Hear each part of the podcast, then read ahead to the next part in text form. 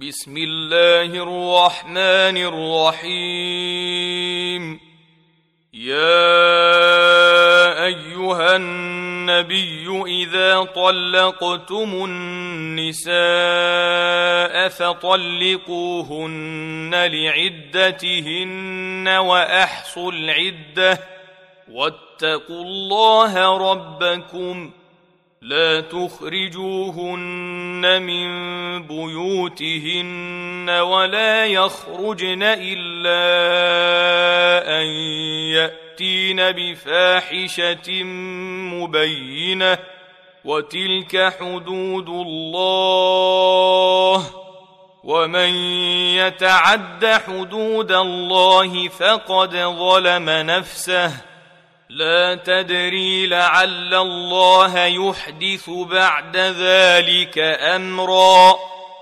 فإذا بلغن أجلهن فأمسكوهن بمعروف أو فارقوهن بمعروف وأشهدوا ذوي عدل منكم وأقيموا الشهادة لله ذلكم يوعظ به من كان يؤمن بالله واليوم الآخر. ومن يتق الله يجعل له مخرجا ويرزقه من حيث لا يحتسب. ومن يتوكل على الله فهو حسبه. إن الله بالغ أمره. قد جعل الله لكل شيء قدرا. واللائي يئسن من المحيض من نسائكم ان ارتبتم فعدتهن ثلاثة اشهر واللائي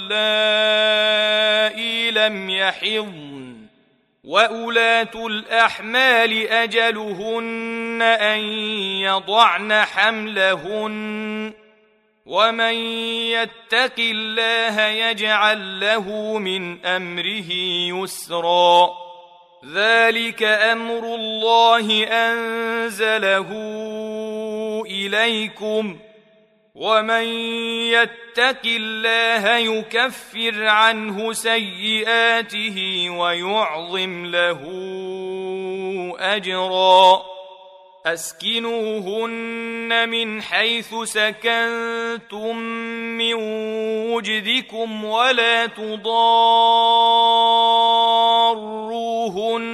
لتضيقوا عليهن وان كن اولات حمل فانفقوا عليهن حتى يضعن حملهن فان ارضعن لكم فاتوهن اجورهن واتمروا بينكم بمعروف وان تعاسرتم فسترضع له أخرى لينفق ذو سعه من سعته ومن قدر عليه رزقه فلينفق مما اتاه الله